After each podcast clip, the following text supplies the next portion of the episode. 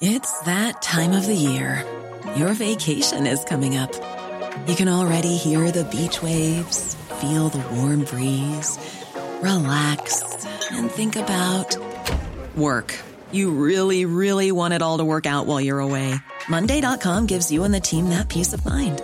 When all work is on one platform and everyone's in sync, things just flow wherever you are. Tap the banner to go to Monday.com. There's never been a faster or easier way to start your weight loss journey than with PlushCare. PlushCare accepts most insurance plans and gives you online access to board-certified physicians who can prescribe FDA-approved weight loss medications like Wigovi and Zepbound for those who qualify. Take charge of your health and speak with a board-certified physician about a weight loss plan that's right for you. Get started today at plushcare.com slash weight loss. That's plushcare.com slash weight loss. plushcare.com slash weight loss. Since 2013, Bombas has donated over 100 million socks, underwear, and t-shirts to those facing homelessness. If we counted those on air, this ad would last over 1,157 days. But if we counted the time it takes to make a donation possible, it would take just a few clicks. Because every time you make a purchase, Bombas donates an item to someone who needs it. Go to bombas.com slash ACAST and use code ACAST for 20% off your first purchase. That's bombas.com slash ACAST, code ACAST. Det här är Paparazzi, en podcast där vi går in på detaljer om kändiskvaller och populärkulturella nyheter. Ja, vi kommer att prata om allt du vill veta och allt du inte ens visste att du ville veta om kändisar. Jag heter Max. Och jag heter Michelle. Michelle, Mm. är du ubåtskatastrofen eller den ryska eh, kuppen på internet? Jag har varit så stolt över mig själv för jag har hängt med i nyhetsflödet den här veckan. Det, det- vet du vad, vet du vad? Jag pausade direkt. Jag hade varit orolig om du hade lyckats missa Nej, nyhetsflödet Max, den här veckan. du ska vara orolig över sakerna som jag missar. det men jag har bestämt mig eh, för att eh, i år är året som jag ska kolla på nyheter och jag försökte ett par gånger. Det är så kul för det här var året jag sa högt, proud and loud, jag ska sluta läsa nyheter. Ja, just det, du sa det. För jag tror Men det är bra för mitt det, psyke. ja, det är jätte, och det är därför jag mår så bra. Alltså Mm. jag har ju stabilaste psyket i Sverige. Ja, du har det ja. Jag har typ det. och det är för att jag inte läser nyheter. Nej. Bara popcrave. Men ehm, eh, vad var frågan? Eh, om du måste välja vem du var på internet, Mm. var du ubåtskatastrofen Definitivt. Eh, eller Jag var styvsonen till han som dog i ubåt. Just det, som bara olyckan. gjorde det för att vara snäll mot sin pappa. Eh, nej, nej, inte han som dog, Nej. utan sonen som kommenterade på tjejers Onlyfans-konton, typ just det. “Pray for my dad” Glömde eller att gick på Blink-182-konserten. Precis. Och sen hade ett svar på tal som var så, ja, I have not a penny to my name. Ja, han är pank. I am poor. Men okej, Och det ifrågasätter jag. varför? Vad var det här för snål styvfarsa? Visst. Vet du, ska vi kolla upp lite snabbt? Ja, det kan vi göra. Brukar du spela in så här? Alltså att du har skärmen bort från dig? Nej, jag höll den fel. Efter han hade gått på Blink-182-konserten så DMade Travis Barker honom “Praying for you and your family, praying hands emoji”. Svarar han “Thank you, I'll be at the SD show tonight”. SD antar jag står för någon stad. Mm. San Diego. Snabbtänkt. Varsågod. Eller South Dakota. Till exempel. Säg en till stad. San Dominico. Är det en plats? Nej. Jo, det är nog en plats. Men inte i USA. Nej. Nej men alltså, ehm, jag älskar hans, alltså hans copy. Mm. När han la ut det. It might be distasteful being here, but my family would want me to be at the Blink-182 show as it's my favorite band and music helps me in difficult times. Eh, black heart emoji praying hands. He's not wrong. Hade du gått på en konsert? Inte Blink-182, men Rosalia, ja. Du hade det? Beyoncé, ja. Men då kommer min följdfråga. Hade du lagt ut att du gick på den konserten om du visste att hela världens media följde din eh, stepfather som var fast i en ubåt? Ja, vet du vad? Hade jag en styvfar som satt i en ubåt som styrdes av en Playstation remote control. Då hade du velat ride the wave Då hade jag No åkt intended. raka vägen till Rosalias World Tour. och fotat dig själv, Ja. selfie. Så många selfies. Ja, vet du vad? Same. Thanks for the love and the support. Here are the facts, okay? Believe it or not, I have about a hundred dollars to my name. I can't go out to the ocean. I have a legal situation keeping me here as well. I can't get on a flight. I don't have a passport. I was sitting here yesterday watching the news for two days straight. I go to a Blink 182 show because they have a ticket. It wasn't like I was having super fun. It wasn't like I was celebrating, having a great time. I was kind of just listening to some of my all time favorite songs, kind of like nodding my head and just trying to get off the phone for like maybe like two hours or so and come right back into the drama. The submarine is stuck at the damn Titanic. There's nothing I can do for the situation at all. So that's the truth. You know what? He's not wrong. Men, ja, m- but, förklara då alla kommentarer på Onlyfans porrskådiskonton. Michelle, jag hör dig. det, det känns... Det är väldigt mycket om pack med den här videon egentligen. Jag vill framförallt vilja veta varför han har inget pass. Vad är det för legal situation? legal. That makes him stuck.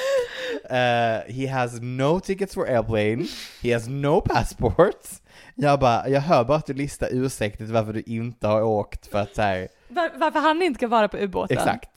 Because you need a passport. Exakt, och jag tänker så här, anledningen till att du inte har några pengar just nu är för att your daddy is your bank. Vänta, varför förklarar han att han inte har ett pass? Vad det med någonting att göra? Det är inte så, ska vi, du är jag så confused. Ska vi tycka synd om dig här nu, eller like what is... Och varför är han, jag har nu googlat på en styvpappa. Eh, George Hamish Livingston Harding. A British businessman, pilot and adventurer based in the United Arab Emirates. Founder of me. Action Group, chairman of Action Aviation, an International Aircraft Brokerage Company headquarters in Dubai. Um, boop, boop. Oh, held several Guinness World Records. Oj! Han har tydligen åkt till rymden också. Kicksökare. Verkligen. Men han hade också två styvbarn bara. Gift med Linda. Mhm. Had two sons and two stepchildren. Okej, Okej. jag förstår. Så de biologiska barnen sitter väl på tillgångarna. Just det. Men vad heter styvsonen? Hamish Hardings stepson. Bra- ja, det är inte det han heter. nu kommer namnet. Brian Jazr. Mm, och hur stavar man det? Eh, S C Nej förlåt. S Z A S Z. Jazz. Jag förstår. Ziza, typ. Mm. Han heter Audio Guy 182 på Instagram. Perfekt. Här har vi. Who is Brian Jajaj? Everything you need to know about the stepson of billionaire who died on ti- Titanic Förlåt, sub. han är 37. Lagom ålder för att bete sig så här. Absolut. Rimlig, rimlig kaoshantering. Ja. Han är audio engineer, Ja. son of Linda Harding, who is married to Hamish Harding, a Was. British billionaire.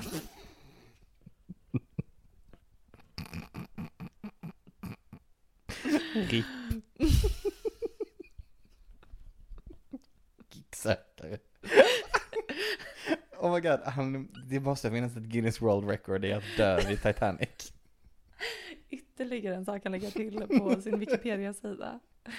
The first man to die at a submarine by Titanic. Här, här kan vi se. According to the Los Angeles Times, was arrested in June 2021 and charged with online stalking and accused of allegedly posted threatening tweets to women in the rave community.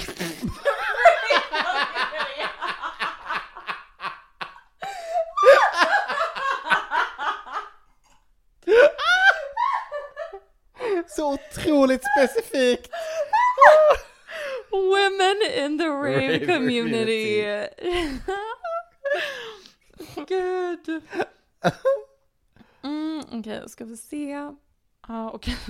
Det här var kanske inte riktigt lika roligt. Eh, men hans advokat menar att han har Asperger. Och med det säger vi tack för The Submarine. Och välkomna till veckans avsnitt.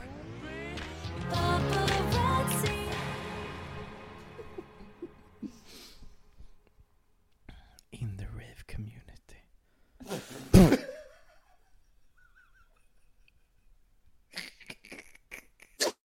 Okej, då har jag ett citat. Jaha. Eller vill du? Ja, nej, kan jag få ta en? Eller vill du? Du kör du. Nej, nej, jag tänkte inte säga så mycket. Nej. Kör du. Jag tar en. Ta den förlaget. Ja, verkligen. Vad tar du dem?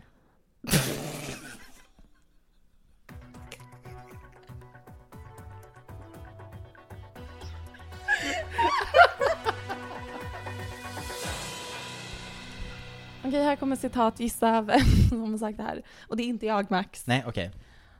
I feel awful when I'm on birth control. It makes me depressed. Jag. She says. And Alex not interested in other er methods. Every single time I have a baby, my OB writes down the vasectomy doctor on a post it and I bring it home to Alec. Ilaria says. He hasn't done jag it yet. gissat. Vem tror du? Åh, Ilaria. Ilaria Baldwin. Hon fortsätter. Will Alec get Ilaria to himself again soon? This is probably most definitely almost completely my last baby, she says with a smile. Hur många almost maybe completely? Sju. Ja, ja, sju barn. Ja. Men mm, probably most definitely almost completely my last baby. Okej, så fyra.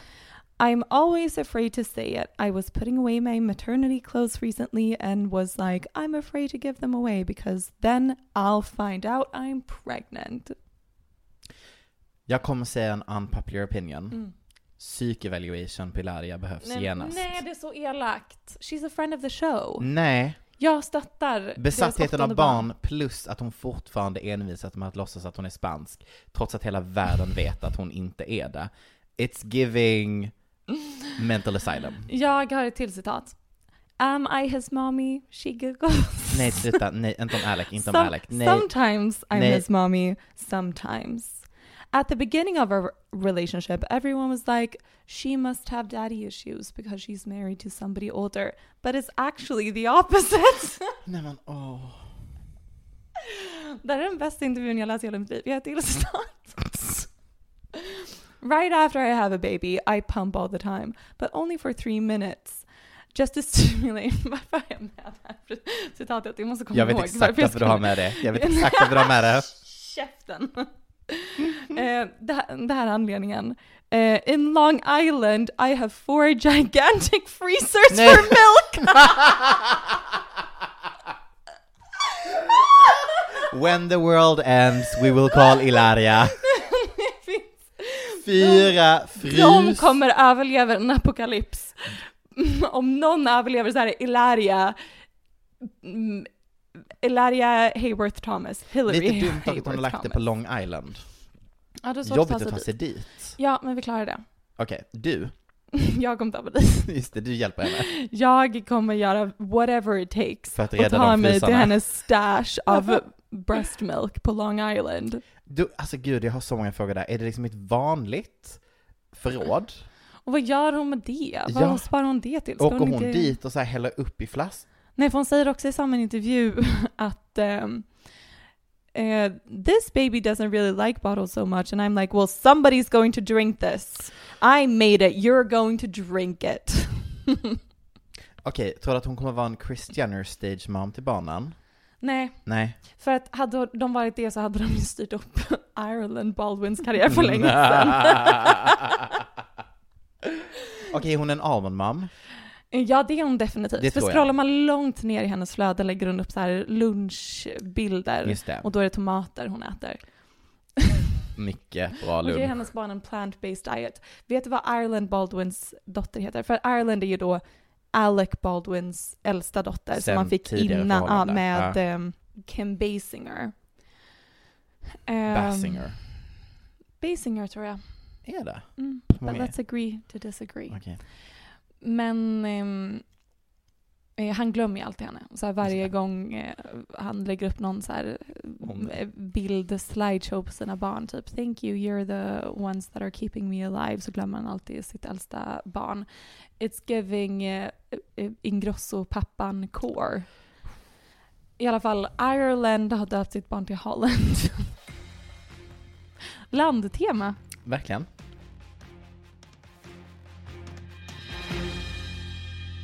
Remember when people used to be able to smoke on planes because they didn't know it was bad for you?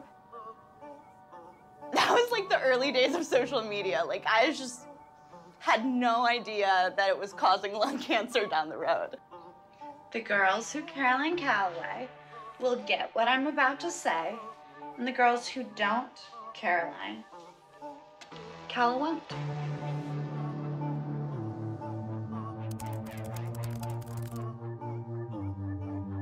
Caroline Calloway is not just some random influencer girl. The most recent thing that I went viral for was being a scammer. Like Anna Delvey, Elizabeth Holmes.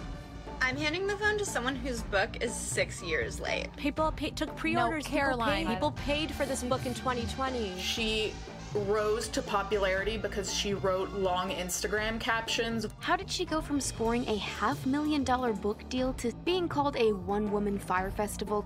I'm handing the phone to someone who's just like so not self aware. Influencer Caroline Calloway isn't a scammer, just a self obsessed mess. Caroline, what's going on? This girl named Caroline Calloway. It's just her being like, I'm crying, but like I'm still pretty. Tiki.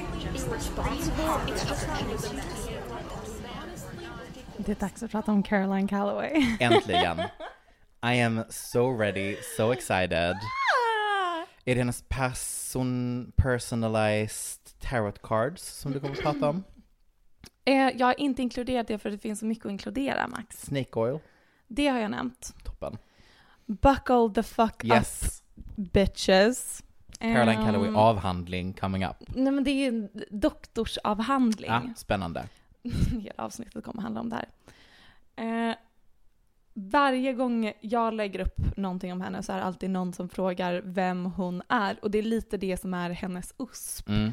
Eh, alltså uttrycket “Who is Caroline Calloway” har blivit hennes slogan. Det är det som dyker upp först om man googlar hennes namn. Jag undrade också det väldigt länge, Mm. trots att jag följde henne och visste precis vem hon var. Eh, man ser hennes inlägg på Instagram, alla tidningar som skriver om henne, alla rubriker och trots det förstår man inte riktigt hur eller varför eller vad hon är. Hon har lyckats bli känd utan att dejta sig till toppen, som Julia Fox, som tillhör samma kategori av Mm. liksom New York it girls. Mm. New York Ehm, Elite. Ja, verkligen. Enligt min mening i alla fall. Eh, hon har lyckats bli känd utan att eh, släppa en bok fram tills nyligen eller vara med i någon film eller något sånt som är the average girl's path to fame. But she did do nudes. We'll get there Max, we'll get there. Hon började som någon slags influencer som det sen blev massa skandaler kring och hon red på den skandalvågen för att citera hennes bok som äntligen lanserades i veckan. Listen, if you've ever had any scandals, my advice would be to continue to have none. But if you've had one, have as many more as you can. It's the Kardashian Trumpian information overload fatigue. There's a point where people can't retain enough information to remember every little scandal. Whereas if you've had one scandal, people remember and it defines you. Otroligt. Otroligt. Så, Ja. Verkligen. Har hon skrivit det själv? Hon har skrivit det själv. Vad vi vet. Men så man förstår ju varför eh, så många andra har följt hennes liv till punkt och pricka de senaste åren. Men vi börjar med basic information. Ja. Vem är hon? Hon är idag 31 år gammal, föddes med namnet Gottschall men bytte efternamn eftersom citat I thought that Caroline Calloway would look better on the covers of books someday. Hon är dotter till välbärgade föräldrar även om det sällan är så enkelt. Hennes pappa var en, ett ungt geni, en protégé som gick ut Harvard i tonåren men led av extrem psykisk ohälsa och levde sedan sitt vuxna liv som isolerad hoarder. Mamman vet vi inte så mycket om. Jag tror att det är information som vi kommer få lite senare i livet. Mm. Ehm, men även mamman kommer från ganska mycket pengar. Caroline startade sin Instagram 2012 då appen mest bestod av bilder på någon slags cappuccino med Valencia-filter och hashtag Friday som bildtext. Det Caroline var väldigt tidig med var att skapa en online-persona via Instagram. Hon skrev långa bildtexter som romantiserade och mytologiserade sitt liv. Hon lärde känna sin kompis Natalie Beach när de gick på NYU tillsammans. Och vi kommer återkomma till Natalie, friend of the show. Hur som helst så har Caroline alltid varit besatt av överklassen. Gamla pengar, gamla institutioner. Hon ville desperat komma in på en finare skola. Obs! NYU är en väldigt bra skola. Men efter tre ansökningar kom hon äntligen in på Cambridge och flyttade till England där hon fortsatte romantisera sitt liv med Goals. bilder och historier från baler och slott, den europeiska adeln. Hon var ihop med någon svensk snu- snubbe där ett tag. som- Vad lite man var besatt av hennes content då. Ja, det var en resa. Det var otroligt. Det vi får reda på i hennes bok är att hon photoshoppade sina betyg för att komma in på Cambridge. Goals. Eh, Men i alla fall, tack vare sina tiotusentals följare på Instagram så får hon ett bokkontrakt. Något som hon alltid eh, drömt om. Det var hennes först, största mål att, bli, att skriva en memoar. Vi får senare reda på att Caroline hade köpt 50 000 av sina följare. Those were the days. Those were the days då det var möjligt att man fortfarande kunde Komma undan skapa en och köpa följare. karriär baserat på fake-konton. It's giving Blondinbella. Det var någonstans här i tidslinjen som hon flyttade tillbaka till New York, började sälja platser till en skrivarkurs som hon skulle hålla i, eller creative workshop. Det hela beskrevs som en one woman fire festival, för det, Mm. den lanserades samma helg som Fire Festival-dokumentären kom ut. Eh, deltagarna betalade 165 dollar för att delta och utlovades blomsterkranser, någon slags mason jar eller typ att hela stället skulle vara dekorerade med mason jars med blommor i. Viktiga detaljer om man går en creative workshop. De skulle, ut, fick även löften om mat och så Mm. vidare. Ingenting gick enligt plan. Hon beställde hem flera tusen mason jars, alltså sådana glasburkar, em, till sin lilla, lilla etta på Manhattan. Hade ingenstans att ställa dem för hon hade ju inte heller bokat någon lokal till Just något det. av evenema- evenemangen så hon bönade och bad alla som hade köpt biljetter till till exempel Philadelphia och köpa tågbiljetter till New York för att hon skulle hålla sin workshop i sin etta istället. Eh, det gick åt helvete. Eh, det var här uttrycket Caroline Calloway is a scammer myntades. Alltså bedragerska. Hon lurar folk på pengar. Eller en otroligt smart tjeja som jag tycker att vi annars brukar kalla för entreprenör, om det hade varit en kille. Ja, kanske, men... Jo! Jo, jo, ja, jo, jättefeministiskt. Väldigt bra. Ehm, jag vet inte om jag nämnt det här innan i manuset, för jag har skrivit här, och det här bokkontraktet hon hade fått flera hundratusen dollar för kom in i bilden. Jag har Mm. inte nämnt Nej. bokkontraktet än. Hon fick i alla fall ett bokkontrakt, Jo, det det hon har drömt om. Ja. Ehm, men hon lyckades inte färdigställa bokkontraktet så hon var rejält skuldsatt. Enter Natalie, hennes före detta bästa kompis från NYU. Natalie skriver en tell-all-artikel för The Cut med titeln I was Caroline Calloway. Seven years after I met the infamous Instagram star, I'm ready to tell my side of the story. Det var otroligt moment. Ja, det var The Cuts mest lästa artikel Mm. 2019. Förlåt, 2019? Ja, det var några år sedan. Känns som igår. Pre-pandemi? ja. I den här texten får vi en otrolig personbeskrivning och inblick i Carolines liv med det stora avslöjandet att Natalie var Carolines ghostwriter till hennes Instagram-bildtexter. Ingenting är mer samtida än en ghostwriter till sina copytexter. Det är också hur svårt är det att skriva en Instagram-caption? Tydligen jättesvårt. Ja, det är alltså Natalie som har skrivit stora delar av hennes bildtexter samt stora delar av även deras book proposal Mm. och sen det de försökte sen när de försökte skriva boken som Caroline aldrig kunde färdigställa. Och hon utlovades, jag tror det var 35% av intäkterna från boken, vilket hade blivit väldigt mycket pengar, men eh, det gick inte så bra. Här kommer citat från hennes artikel i The Cut. De är lite parafraserade. When I was a sophomore in college, I took a creative nonfiction workshop and met a girl who was everything I wasn't. Caroline was the most confident girl I'd ever known. We were both 20 year old NYU students when we met. Caroline arriving late to the first day of, ca- of class, wearing a designer dress. She turned in personal essays about heartbreak and boarding school, had silk eyelashes, and wore cashmere sweaters without a bra. To my other friends, I described her as someone you couldn't count on to remember a birthday, but the one I'd call if I needed a black market kidney. I never felt better than when viewed through Ca- than when viewed through Caroline's eyes. Hon skriver om hur Caroline blev protagonisten i Natalies eget liv. Hur allt hon gjorde kretsade kring henne, hur hon blev sviken gång på gång av Carolines oberäkneliga, o, jättesvårt ord, oberäkneliga personlighet. Till exempel omgången Natalie inte hade någonstans att bo och Caroline lovade henne att hon fick bo i hennes lägenhet medan hon var bortrest. Men en vecka, vecka innan hon skulle flytta in så ringde Caroline och sa någonting om att guld har sjunkit i värde så hennes familj sitter i en ekonomisk knipa. Så nu behöver hon hyra ut lägenheten på Airbnb och kan betala Natalie för att hjälpa till och välkomna gästerna och städa. Citat från texten. The night before, alltså the night before she was going to be the hostess of the Airbnb apartment. The night before, I had been on a date with an older man. He bought me a few drinks and took me back to his place, where he called me a whore and hit me and choked me in bed. It was the only second time... Det går så dåligt för mig att läsa. Men det är true fans of the pod know.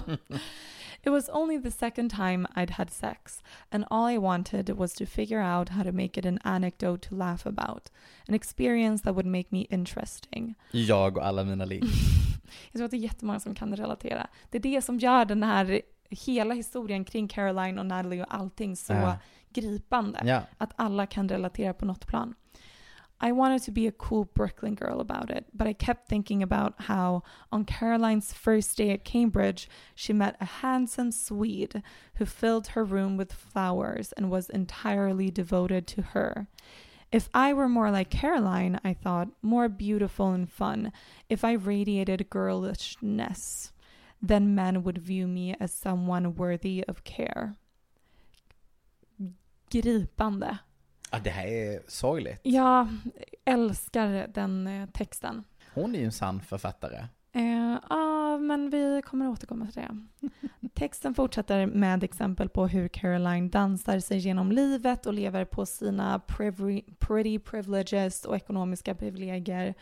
Och jag inkluderade det här för jag tycker att Natalie gör en så väldigt bra jobb med att beskriva en vänskapsdynamik som jag tror att jättemånga kan känna igen sig i, precis som vi precis sa, i en kombination, det, det kombinerar medberoende, fascination och kärlek. Mm. Men också hur det är att vara den fula sidekicken, och verkligen ful inom citationstecken, det är så hon beskriver sig själv, Mm.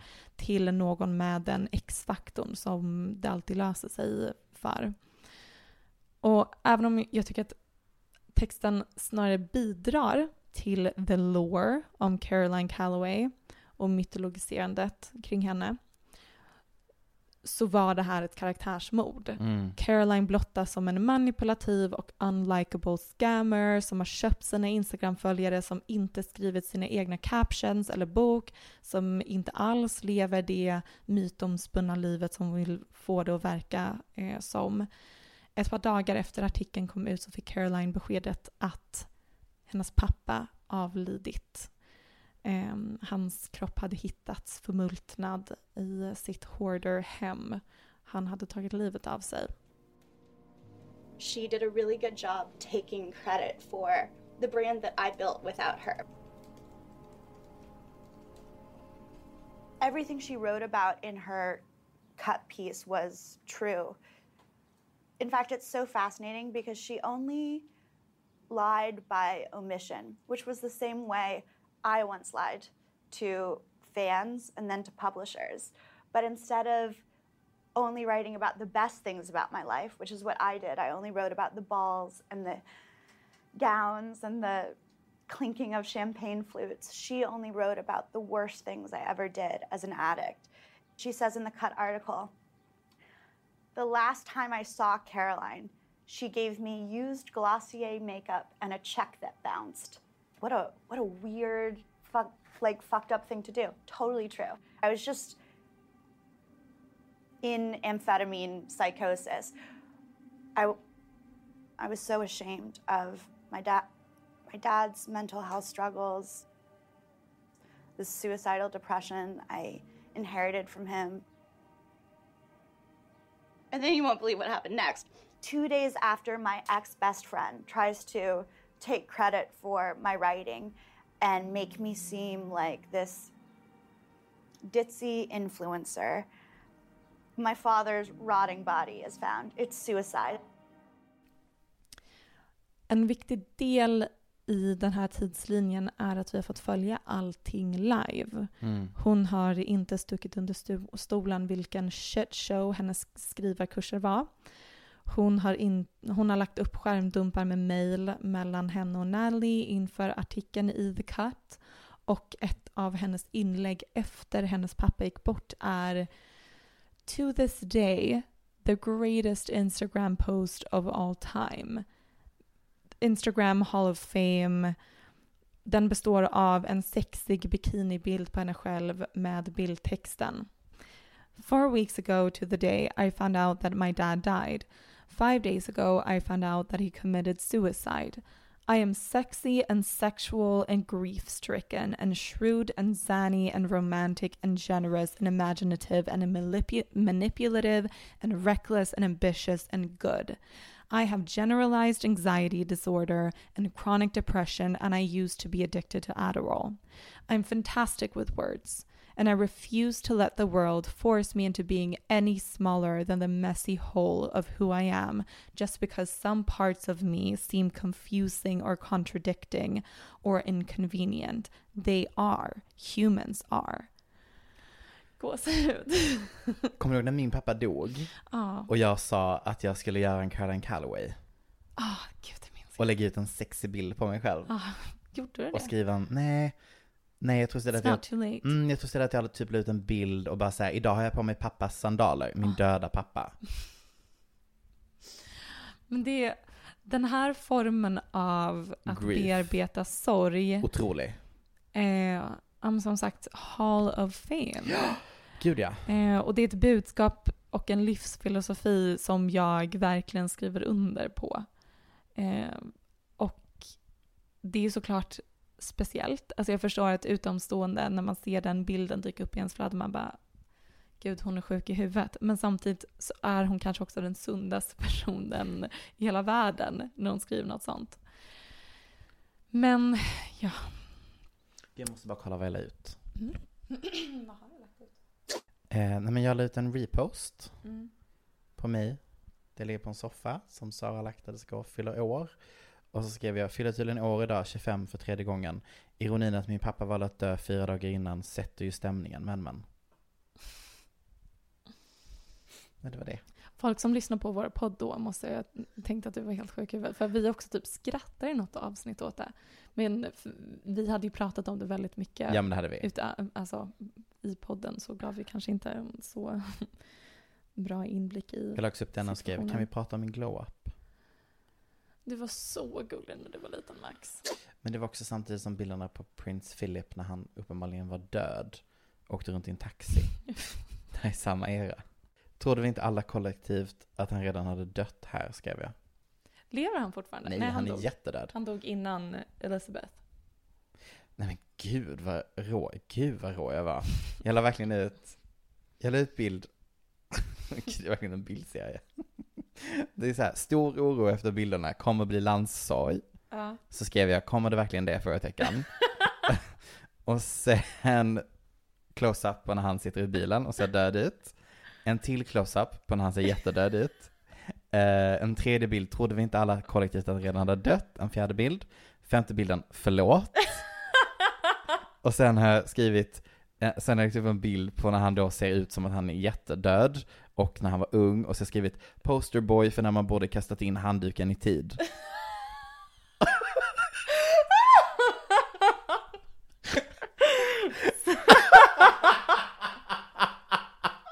Det här är alltså dagen efter att min pappa hade dött. Åh nej, åh nej, jag tror det var över, så Filip den med obs, inte age-shama, men är inte detta orimligt? 99 år, hur?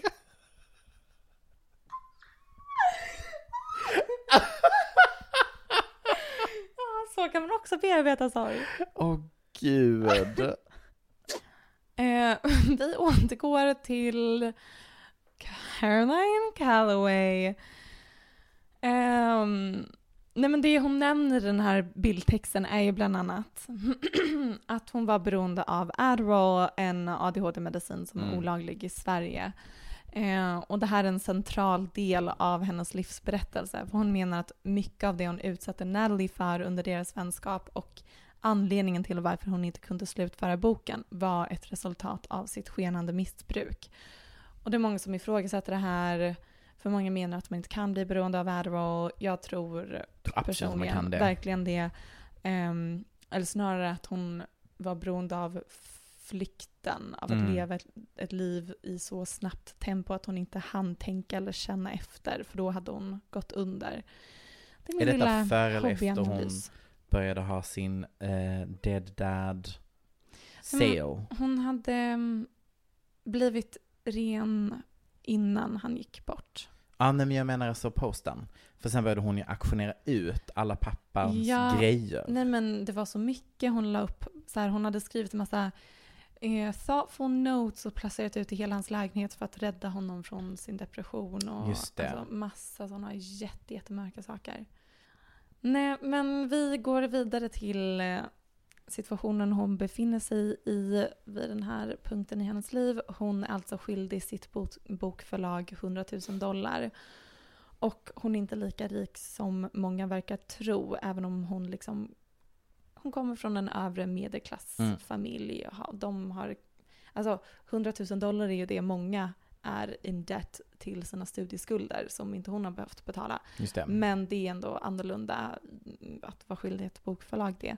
Men för att ta sig ur det här så säljer hon bland annat en eh, ansiktsolja som hon kallar för snake oil. Otroligt. Enligt Wikipedia så används begreppet snake oil som en idiomatisk metafor för överdriven och bedräglig marknadsföring som påstår sig komma med en revolutionerande lösning på ett pro- problem. Så hon liksom leans Ja, in till hela scammer-grejen. Ja.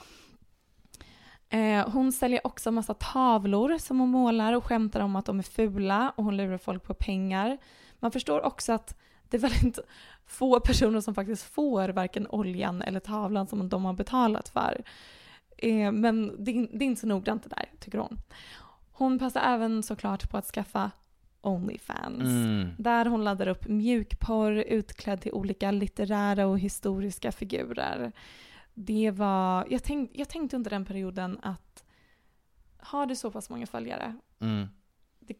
alltså, in, eller nej, not to shame Onlyfans Kreatörer. users, men det är ändå att både säljaren här, hon kämpade på med sin himla olja, hon Mhm. kämpade på med sin Onlyfans. Jag tänkte, Den var också dyr. det måste, en flaska olja kostade 75 dollar, det Nej, minns jag. Onlyfans. Ja, hennes Onlyfans var också 50 dollar för månads subscription, så jag minns de här siffrorna Ja, utan till. De enda siffrorna jag någonsin kommit ihåg. För jag kan berätta att standardpris på Onlyfans är 799 till 999. Mm, hon hade den högsta, Ja, 50. högsta priset.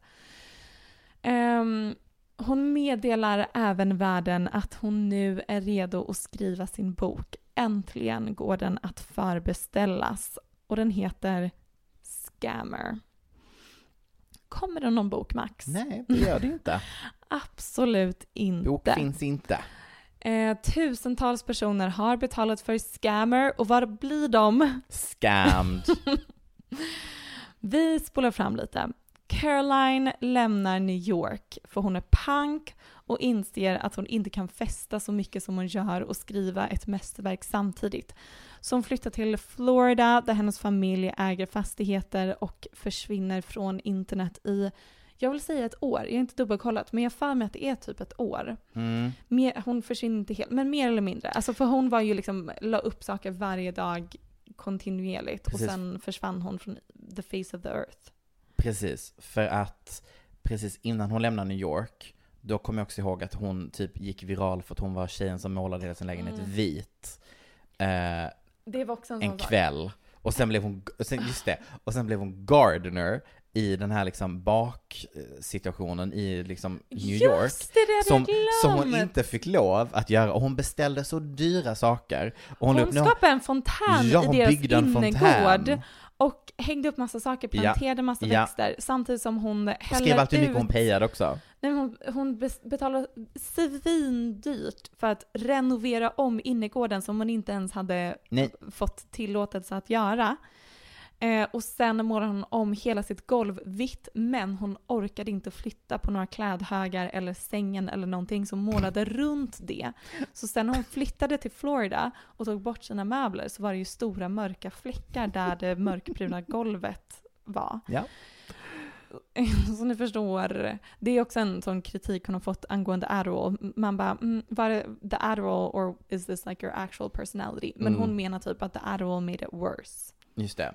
Men hör och häpna, boken kommer ut till slut.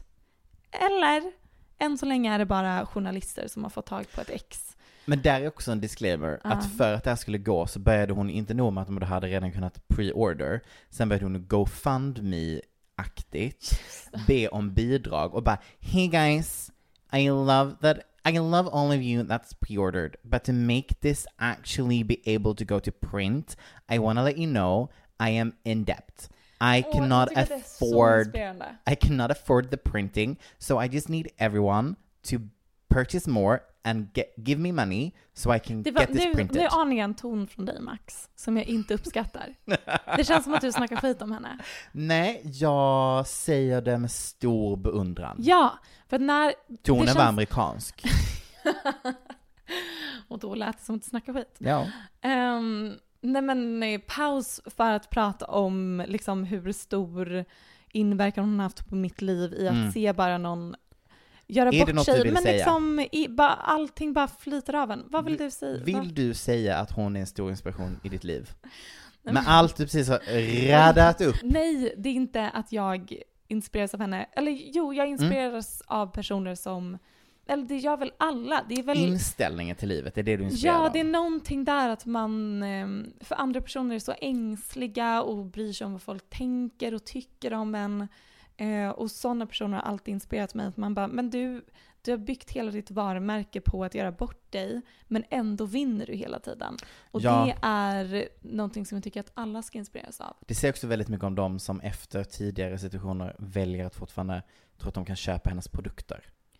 Ja, men det är ju det som är så fascinerande. Alltså jag är ju fortfarande ett fan, Mm. trots att jag uppenbarligen så lägger huvudet på sne och tänker, men Oj, oj, oj. vad gör vi nu, Mm. Caroline Calloway?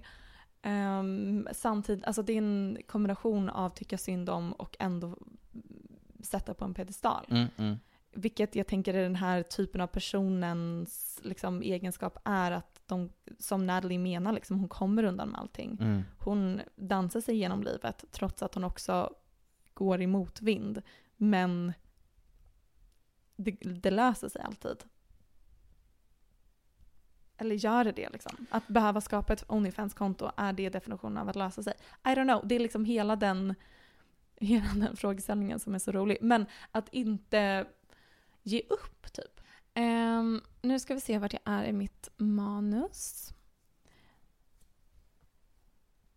Ja, än så länge är det bara journalister som har fått då eh, ett exemplar av boken. Hon har TBD om Ja. alla andra som har betalat för den får den. Eh, men vi Callaway Heads, herregud vad vi har suttit på nålar inför recensionerna. Efter att ha följt det här så länge med tanke på att allt än så länge har varit ett totalt haveri samtidigt som hon har en hjärna som hör hemma på ett museum så kändes det som att det här kan verkligen go both ways. Mm. Det skulle kunna vara ännu en shit show men det skulle också kunna vara eh, succé.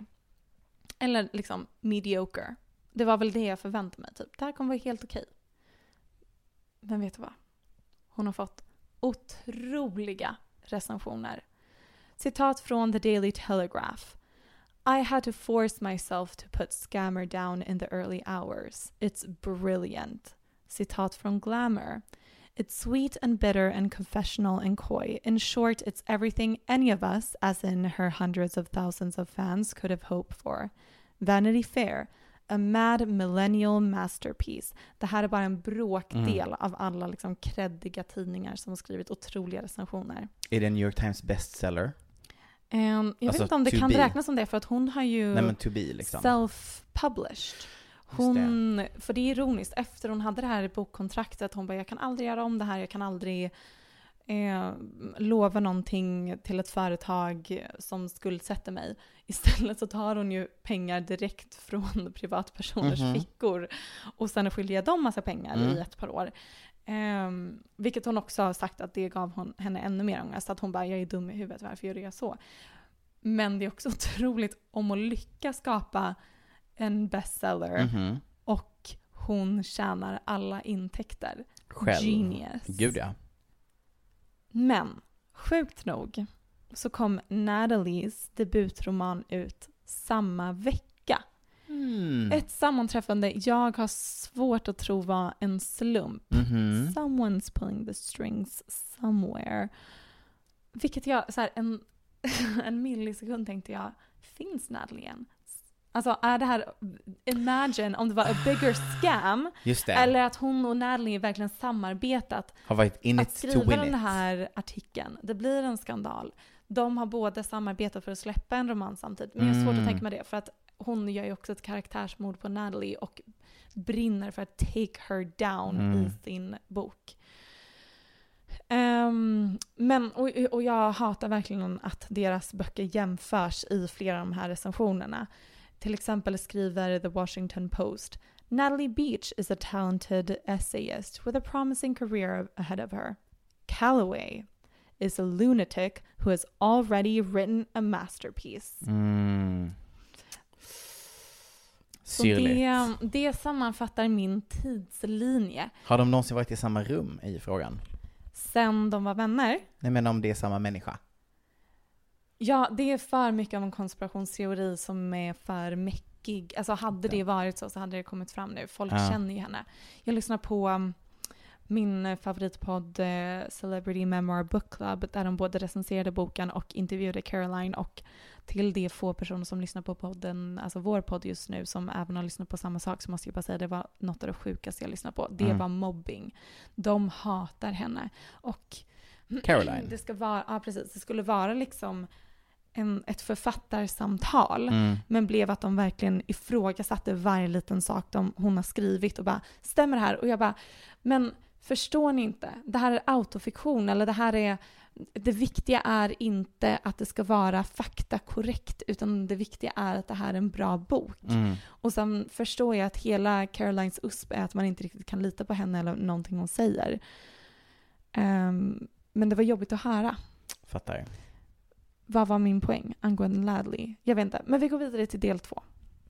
I have to say, it's so interesting what you just said because I do think what's unique about you and your book is that both are true. I think you are being honest, but your truth is in a fantasy world. like Yeah. even like I do believe, and I think we're gonna get into this a lot. Like, what is truth to you? Do you believe what you're saying? Because I've had we have a couple of points where I'm like, this isn't what it's really like to experience these things, but I'm like, is this Caroline's truth or is she still projecting what she thinks people want to be true? And even in this call, it's interesting to watch you create narratives because you're like, we've had dinners, we've gone to plays. I mean, we went to one dinner, one play. but now I feel like in your mind, we have this long friendship. And I do believe that that is your reality. And that is like the tension that people don't know how to position themselves across is like, it's kind of true, but not really. But like, do you believe it? Are you trying to trick us? Are you trying to trick yourself? Like, what is your reality? Nu kommer vi till del två av min doktorsavhandling. Jag är redan utbränd. Ja. I don't know how you feel. Um, I'm vibing. Mm, jättebra. Eh, nej men jag har ju då tyvärr inte läst boken själv ännu. PG, omöjligt. Ja. Du gör inte max här. Också Caroline Culture att beställer man ett av de tidiga exemplaren får man det med hårband, massa klistermärken och tarotkort i inslagningspapper och man bara girly, I just want don't the waste your fucking book." time. Men Mm. jag förstår ju vad hon tänker. Jag vet att hon ve- vet Mm. att folk kommer sätta upp sitt hår med sidenbanden, ta en bild på Instagram med den här boken för att det är ju också någon slags ehm, alltså, ett sätt och eh, liksom kulturellt kapital att läsa den inom vissa cirklar. Ja. Det är också lite patetiskt men det är också ytterligare en intressant sak med att hon är både patetisk men också kreddig. Mm, mm. Ännu en gång inspirerad. Eh, men jag har läst alla recensioner och intervjuer med henne. Okej. Eh, och jag har tänkt väldigt mycket på hur hon är, vem hon är, vad hon säger, varför hon säger det. För hon personifierar en av mina favoritämnen som vi har återkommit till i den här podden flera gånger. Alltså hela den här eh, mytologiserandet av kvinnor, onlinepersoner och så vidare. Och en text som sätter fingret på det här är Standing on the shoulders of complex female characters of Rain Fisher Kwan som jag har citerat innan. Och ja, jag vet, though the girlies who know they know att det är fånigt att citera Rain Fisher Kwan och Caroline Calloway i samma prata. Men nu blev det så här. Det, det är bara, nu, du, vi går vidare från det. här är ett utdrag från Rains text angående inte citat. en Jajamän, det kommer vara många citat. När vi ses utdrag är verkligen så, det är en sida. Nej, ett stycke som jag har lite parafraserat. Det här är angående Rain Fisher Kwans depressiva perioder. Um, I'm never washing my face. I'm eating lavishly. I am ruining my reputation. I'm making sure to eat a square of dark chocolate during my depressive episodes so they'll sound sexier in my memoirs. Even when I'm ostensibly at my lowest, I'm still filtering my experiences through the eyes of a consumer. The desire to editorialize our own experiences, to romanticize the unseen, to live for our, bi- for our biographies, has become an autonomic facet of womanhood as un- unavoidable as breathing. Childhood trauma becomes daddy issues, suicidal depression becomes mystique. Selling your pain is easier than living with it. Och en annan podd som pratar om det här ämnet eh, en hel del är Forum med Saga och Mina, Friends of the Show. Framför allt i avsnittet om It Girls som jag är med på i ett litet hörn. Och här kommer ett ljudklipp från dem. Men jag, jag menar, jag tänker på så, det finns ju, alltså det är väl liksom redan Simone de Beauvoir som skriver om det. Att det finns ju en väldigt stark, typ en kärna i, alltså att man gör liksom kvinnan till den andra Mm. i typ ett patriarkalt samhälle är ju just det här, det här liksom mystifierandet typ. Mm.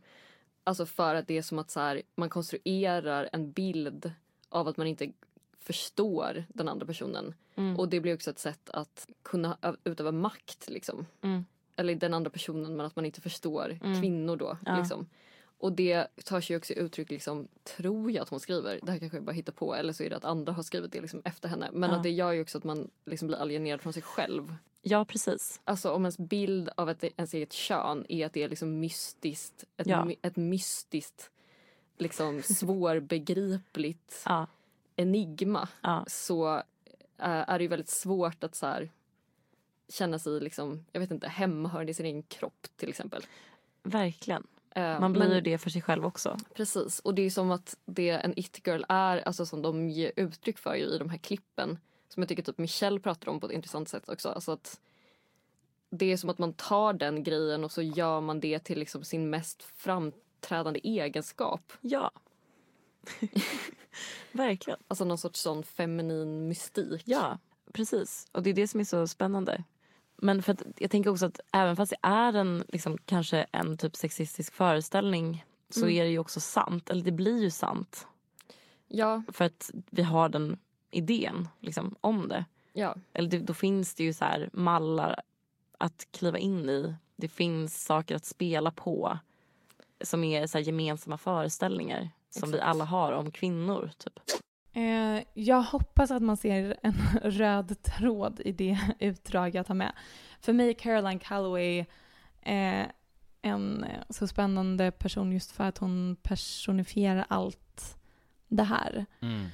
Eh, och jag tror att ganska många kvinnor som lever en stor del av sitt liv i offentligheten gör det. För att viktigt att nämna, när det här var en grej i USA, alltså att The Cut-artikeln kom ut om att hon har en ghostwriter. Obs, jag vill också tillägga att det är absolut inte så att Natalie skrev alla hennes captions Nej. och var liksom hjärnan bakom det hela, utan hon var ju co-writer. Mm. Bidrog, men det är inte hon som skrev det helt och hållet. Du till mina Instagram Ehm. captions. Ibland. Ehm, men i Sverige så var det samtidigt som Linnea Claesson blev outad för att hon kanske Don't. allegedly hittade på alla DM som dickpics hon fick och även Isabella Löwengrip typ om att hon har köpt sina följare och Allegedly. eh, att hon kanske har fejkat delar av det här kaoset som var kring henne och hennes ehm, när hon blev bankrupt. Eh, även Anna Delvey var, var i samma veva. Det är liksom en stor diskussion kring kvinnor i offentligheten Mm. som typ inte var där de visar sig vara på internet. Jag tänker även på Paris Hilton som berättade om misshandeln på internatskolan som hon gick på, hur hon tog sig igenom det genom att drömma om vem hon skulle bli när hon kommer ut därifrån. Eh, hon skapade en person i sitt huvud och dissocierade från sitt riktiga jag. Eh, och jag tänker också... Ehm, alltså, det här är ju någonting jag i alla fall ser bland flera av mina kompisar, kanske när jag var yngre. Eh, att vi höll på med samma sak. Jag tror att många ungdomar på internet idag håller väldigt mycket på med samma sak. Caroline är såklart en mer koncentrerad version. Um, men det alla gör på internet är ju att mikrodosera varifierandet av the curation of human existence. Ehm, men om man ska se det från en annan vinkel. För det låter ju som ett oerhört, oerhört förtryck att kvinnor fostras till att presentera sig själva som väsen snarare än oexotiska riktiga människor, vilket alla egentligen är. Ingen är ju en filmkaraktär, alla är ju bara tråkiga människor egentligen. Tonen. Jag är ett väsen och en Eh. filmkaraktär. Thank you very much. Men eh, en sak som jag tänkt på är att det är ganska befriande att få hitta sig själv och experimentera med sin identitet. Och det här är någonting som jag tänker att många bögar också kan känna igen sig i. Vi objektifieras på liknande sätt. Min internetpersona Eh, jag hade en gång i i- tiden. Ja, eventuellt fortfarande till en viss grad. Inte samma som du hade när du var twink, Nej. men något nytt. Shout out. Även om det är, it's true what they say, you are a gym bro. Tack. Ehm, men i den objektifieringen så tillåts vi då, eh, både girls and the gays, att utforska jaget och överjaget, hur andra ser oss, hur vi ser oss själva. Ehm, och nu blir det cringe, men tyvärr var det exakt så här det gick till, att jag träffade en konstnär från Berlin. ja. Ehm, det var några veckor sedan. Eh, och eh, vi pratade om egocentrism i Berlin. Och när jag scrollade hans Instagram och läste om hans konstnärskap så tänkte jag att det är exakt det här som alla tjejer, många bögar håller på med. Obs, det här var en straight eh, cis-man. Viktigt också, är han svensk i Berlin? Nej, nej, nej, Eller nej, nej. faktiskt från Berlin? Nej, Berlin. Okej, ja, Ja. då piggade den upp lite. Typ portugis kanske. Wow. Ehm, men det som... Uh, att Portugis, den... man måste alltid, det är verkligen tics. Förlåt. Gud vad jag har exakt samma tics. Eh, men... Valiente, det är den andra. Little Mix. De kommer alltid samtidigt. Gud vad kul.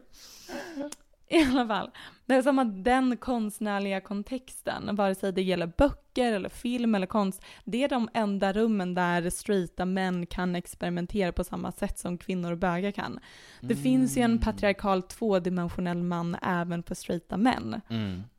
Eh, och även om kvinnor och bögar curatar sig själva inom ramarna av ett patriarkat så eh, och, och det då oundvikligen är så att vi återskapar flera av de normer som feminism har som mål att krossa så är det också en frihet att få leka med personligt uttryck överhuvudtaget. Mm.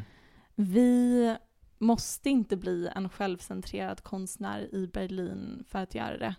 Vi kan istället bli Caroline Calloway, Isabella Bella Löwengrip, Linnea Claesson, Paris Hilton, Ilaria Baldwin till exempel. det finns så många alternativ. Bara välja. Anna Delvey. Um, sist men inte minst, ytterligare ett utdrag. Jag sa att det här var en doktorsavhandling, Ja, så jag har lite lurat. Unlike Caroline, I'm not a scammer. No, no, no. I told you guys hade what you were in for. I sure did. innan. Ehm, det här är ett utdrag uh, ur boken A Life's Work of Rachel Cusk om hur moderskapet, ja, plot twist att jag hade med det. det det? It ties back to Ilaria. Ja. Um, nej, men om hur moderskapet i sin natur alienerar kvinnan från sig själv. Jag vet inte riktigt om det här går att koppla till Caroline direkt, men jag tyckte det var ett, Ett bra citat. ett otroligt stycke om womanhood. Och för mig Caroline Calloway en studie i att vara kvinna. Nu börjar jag. Birth is not merely that which divides women from men, it's also, it also divides women from themselves, so that a woman's understanding of what it is to exist is profoundly changed. Another person has existed in her, and after their birth, they live within the jurisdiction of her consciousness. When she is with them, she's not herself. When she's without them, she is not herself. And so it is as difficult to leave your children as it is to stay with them. To discover this is to feel that your life has become irrevertibly mer- mired in conflict or caught in some mythic snare in which you will perpetually, vainly struggle. Så, uh, inte nog med att vi står on the shoulders of complex female characters som Rain Fisher Kwan skriver så står vi även on the shoulders of women caught in some mythic snare in which you will perpetually vainly struggle. Slut på min doktorsavhandling. Tack Michelle.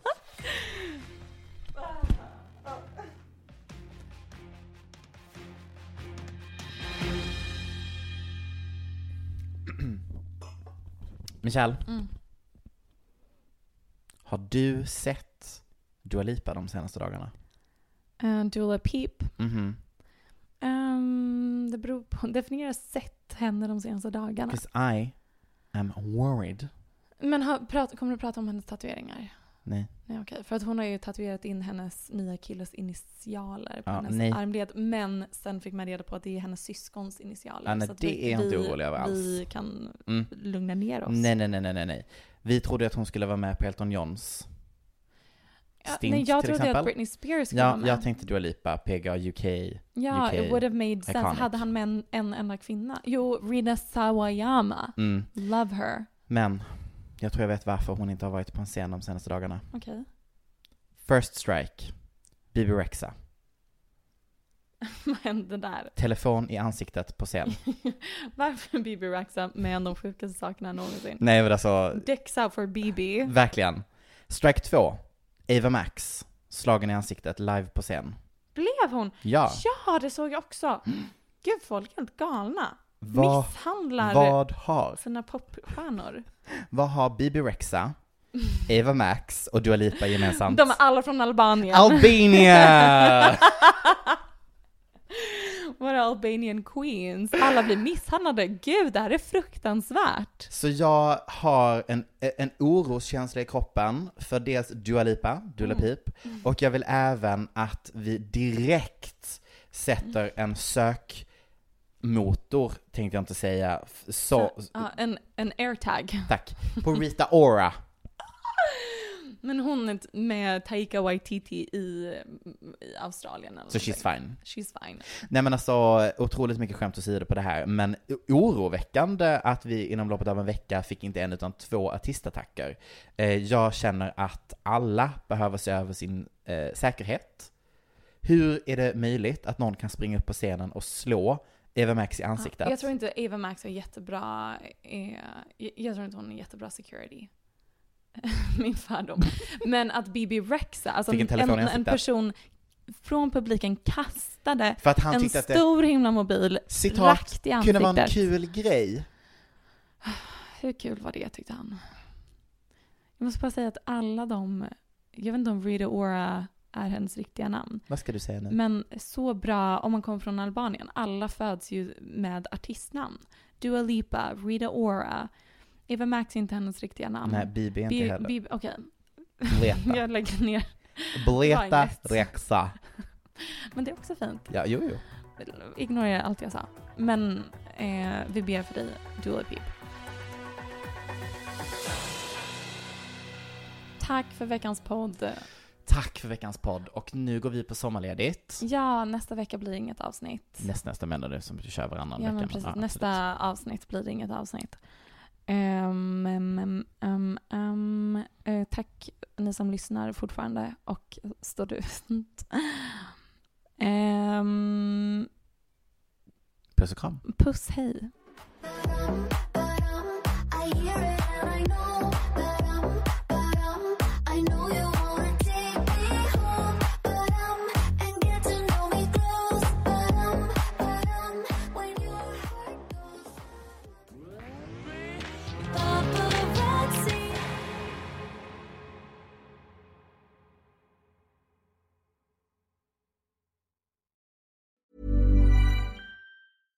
Even when we're on a budget, we still deserve nice things.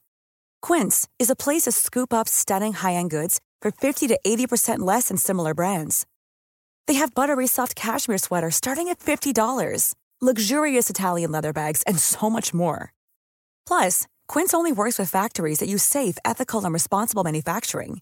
Get the high-end goods you'll love without the high price tag with Quince. Go to quince.com slash style for free shipping and 365-day returns.